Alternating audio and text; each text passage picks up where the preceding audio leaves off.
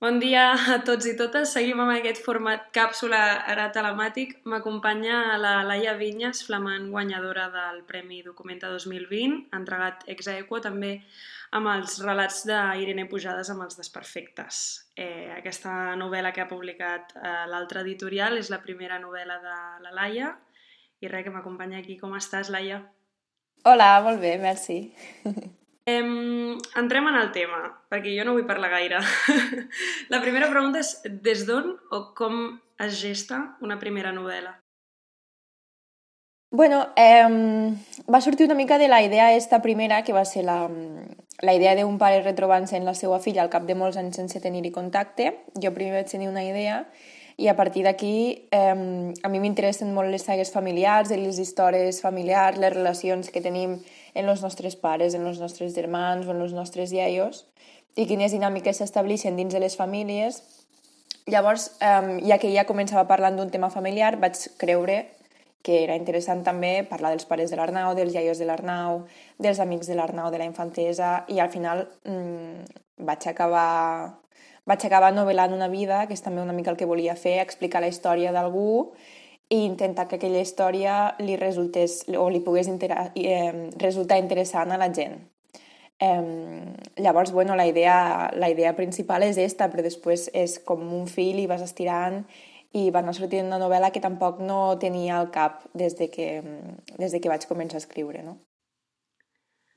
I sense donar gaire informació, eh, de què va les closques. O sigui, una breu sinopsi així per, per obrir eh, boca així ara que també s'acosta Sant Jordi. Les closques pues, és això, és la història d'una banda, hi ha com dos línies temporals. Una banda és la història de l'Arnau, que se retroba en la seva filla, l'Aurora, després de molts anys sense tenir-hi contacte, quan ella encara és una nena, ella té 8 anys al moment de, del retrobament, i llavors, eh, l'altra línia temporal és resseguir una mica tota la vida de l'Arnau. L'Arnau naix i creix i passa l'adolescència al Delta de l'Ebre. El Delta de l'Ebre, als anys 50, 60, 70, que és quan està ambientada la novel·la, eh, era un lloc molt, molt particular. Ho seguís sent, però bueno, crec que als anys 50 i 60 mm, era un territori molt més tancat, en les infraestructures uh, molt de misèria i les condicions de vida i de treball també sobretot eren molt, molt dures. Llavors, com, com este entorn tan tancat um, que en uns aspectes era molt idíl·lic perquè la bellesa natural del, del Delta de l'Ebre pues, és indiscutible, però que per una altra banda era una, un, un paratge on hi havia misèria eh, pura i la gent bueno, li costava molt poder menjar. Llavors, eh, explico aquí la infantesa de l'Arnau en este context, com això, crec que al llarg del llibre també anem veient com això l'afecta i com lo fa ser qui és, i llavors, bueno, l'Arnau mm, li van passant coses i mm, per circumstàncies pues, marxa també de l'Ebre, se tracta també molt el tema de les migracions, de les migracions, um, de la migració del sud d'Espanya cap aquí a Catalunya, també de la migració que van fer molts molts catalans i molts espanyols cap a, cap a Europa, cap a Suïssa o cap a Alemanya, cap a França. Um, llavors, una mica... Um, hi ha temes, bueno, una mica, jo què sé, podríem dir, de societat del, del segle XX, temes que a mi m'interessen, perquè m'interessen certs capítols de la història. I que vaig voler que l'Arnau los visqués. I, i és una mica això, anar resseguir la vida de l'Arnau, i l'Arnau moltes vegades al final el que és és, un, és una excusa per a anar coneixent a, a personatges que van entrant en la seva vida i que ell va coneixent i que van sent importants per a ell, per anar-los coneixent també altres aquests personatges. Vull dir, la història està sempre centrada en l'Arnau, però l'Arnau, com a tots mos passa, mmm, se troba en gent que el marca moltíssim i que li ensenya moltes coses i que li fa canviar la seva perspectiva. I aquestes dues trames paral·leles que, que parlaves, eh, quina és la que dona el tret de, de, de començar la novel·la o quina és la que més... Quina, quina li tens com més estima? O parla'm una miqueta d'aquestes dues trames perquè ho vam comentar, crec. Sí, sí, sí, clar, lo, lo llibre, mm, lo tret de sortida del llibre és, és el primer capítol on l'Arnau, eh, bueno, veiem a l'Arnau de petit al Delta de l'Ebre, hi ha un episodi en la seva mare que ens dona ja una mica de pistes de com de per on anirà la, la seva relació o, o què veurem al llibre I llavors de seguida ja anem cap a, cap a este retrobament de l'Arnau i l'Aurora. Eh, sí que és veritat que tot i ser la, la idea principal de la que jo vaig anar estirant el fil, la trama de l'Arnau i l'Aurora mm, té menys presència al llibre, perquè al final eh, que he fet és descriure aquesta relació que comença mm, pràcticament de zero, és anar-la descrivint a partir d'escenes molt petitetes que passen durant aquests primers dies que ells estan junts. Eh, llavors me centro a cada capítol de l'Arnau i l'Aurora és un dia dels que estan junts i, i, bueno, i, i, i anem veient com, com construeixen aquesta relació a partir de cosetes tan petites com eh, un dia que van a comprar uns texans i van a uns grans magatzems, o un dia que se troben a un, a un ocellet que està moribund a, al balcó de casa i l'alimenten i, i, bueno, i crec que al final aquests petits moments eh, a la vida real també passa, ens ajuden a conèixer les persones i establir les relacions que establim. Per tant, va agradar, a mi em va agradar molt escriure aquests capítols petits, perquè són també molt curtets, de l'Arnau i l'Aurora, perquè són quasi com escenes, no? I són, són molt petits, són molt quotidians, però crec que parlen molt dels dos personatges i parlen també d'una mica d'esta inseguretat o esta vergonya o este no saber què fer o no saber com actuar que, que tots experimentaríem en una situació com esta um, tan al principi, no?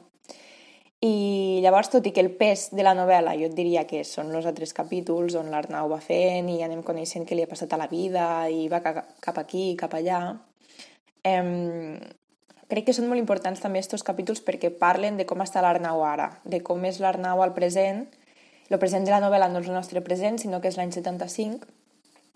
Llavors, um, anem veient... És, és, Clar, és que al final m'agrada com ha quedat, perquè anem veient què li passa a l'Arnau durant tota la seva vida, llavors al llarg del llibre anem entenem, entenem, entenem com és i per què fa el que fa, i a partir dels capítols també de l'Aurora també entenem quines motxilles ell porta a l'esquena, les coses que li han passat, com l'afecten de cara a la relació en, en la seva filla o la relació que està construint ara, perquè abans no la hi havia, Llavors, els petits capítols me van servir molt per a entendre i per a saber com era l'Arnau al present de la novel·la, per a saber mm, com tot el que havia experimentat li havia marcat la manera com se relaciona en els altres, la manera en com tracta a, a la seva filla, i també el contrast este de l'Aurora, que és la, la seva filla de 8 anys, que és una nena mm, bueno, que s'assembla molt a l'Arnau, no? Al final eh, esta, esta semblança entre dues persones que no han conviscut mai juntes i com s'acaben d'acoplar l'una a l'altre. Sí, uh, això ho vam parlar, vam fer una trucadeta abans de gravar aquest episodi, però, però és maco com, com aquestes escenes de, de l'Aurora i l'Arnau són breus pinzellades que acaben tenint un sentit i que acaben encaixant com, com, una peça de puzzle al final, no? Que eh, sí que, sí que et centres molt en d'on ve l'Arnau, però al final eh, entens per què t'hi centres i per què doncs, vas donant trossets d'aquest any 75. Una cosa que també tenia moltes ganes de, de parlar amb tu és el tema de la portada, el disseny i el títol, eh, perquè les magranes, això té un vincle, té, té un... com, mira, em recorda la meva infantesa, o hi ha un simbolisme, o és, és, és buscat, o és completament trivial. Bueno, hi ha moltes coses d'aquest llibre que mm, potser no eren buscades, però que després sí que l'he trobat un cert simbolisme i dir, ostres, doncs això encaixa en allò altre i tampoc m'ho havia plantejat o no ho havia fet expressament.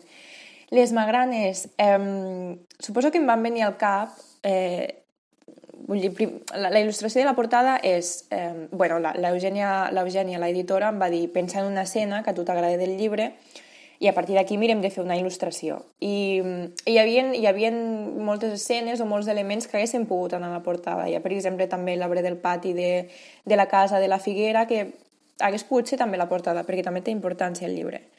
Però a mi m'agrada molt eh, capítol on, on, bueno, on hi ha l'escena que l'Arnau se fa el seu primer besito.